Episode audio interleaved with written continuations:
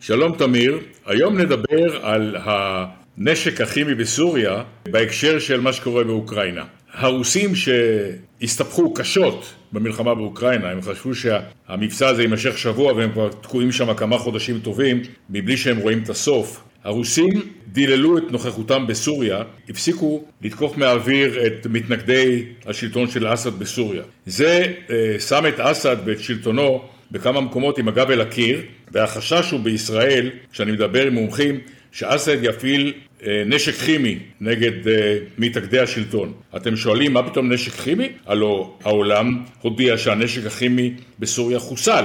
האמריקאים והאו"ם פעלו לפני הרבה שנים ואסד הודיע שאין לו יותר אם כן, שקר וכזב, לא יודע מי למד לשקר, איראן מסוריה וסוריה מאיראן, אבל לסוריה יש עדיין מאגר גדול של נשק כימי מכל הסוגים, הם השתמשו בו במנות קטנות בשנים האחרונות, הם עבדו על כל העולם, בישראל יודעים בדיוק על הנשק הכימי, והחשש הוא שאסד, כמו שאמרתי, עם הגב לקיר, ינסה להפעיל את הנשק הכימי הזה כאמצעי אחרון, שכן הרוסים כבר לא כך עוזרים לו בשטח. ולכן גם ישראל צריכה להיות ערה למה שקורה בתחום הזה, עוד מדובר במדינה שכנה שיכולה לאבד את העשתונות בכמה תחומים. בהחלט, הנושא של נשק כימי מדאיג מאוד.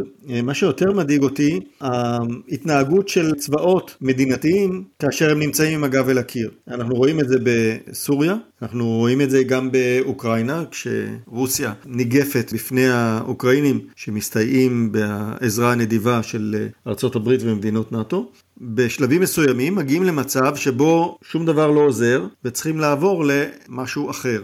רוסיה רומזת על אה, אפשרויות לשימוש בנשק גרעיני טקטי, שזה בעצם פצצות אטום קטנות, שאפשר לארוז אותן בתוך רקטה או, או פגז, ולהרוס כפר, להרוס רובע, כמובן עם הנשורת הגרעינית שמשתייכת אליו והכל.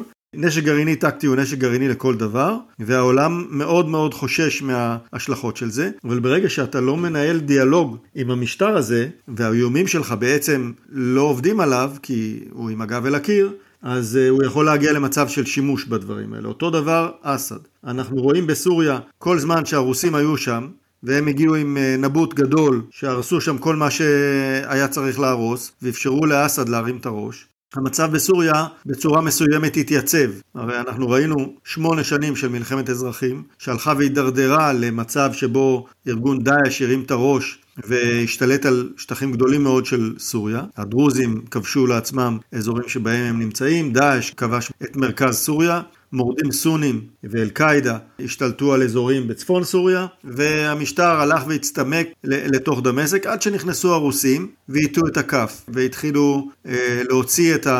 ה כל ארגוני הטרור האלה מסוריה. המצב הזה לנו לא שיחק, אבל בסופו של דבר המדינה באיזושהי צורה התייצבה. עכשיו אין את הנבוט הרוסי, והמורדים מרימים שוב את הראש.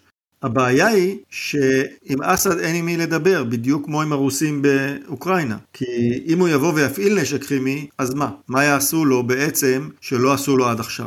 יכול להיות שהדבר הזה יתמשך לא מעט זמן, מכיוון שהעולם לא כל כך אכפת לו מה הולך עם סוריה, והשימוש בנשק כימי, כולם יגנו אותו, אבל כנראה שאף אחד לא ירצה באמת להיכנס ולפתור את הבעיה. אני מקווה שלאף אחד כאן לא יעלו רעיונות בראש שכדאי לנצל את ההזדמנות הזאת. עד כאן לנושא הנשק הלא קונבנציונלי והאיום של השימוש בו כשהצבאות הם עם הגב אל הקיר. אני מקווה מאוד מאוד שלא נגיע למצב של שימוש בו. להגיד שאני אופטימי, אני לא יכול.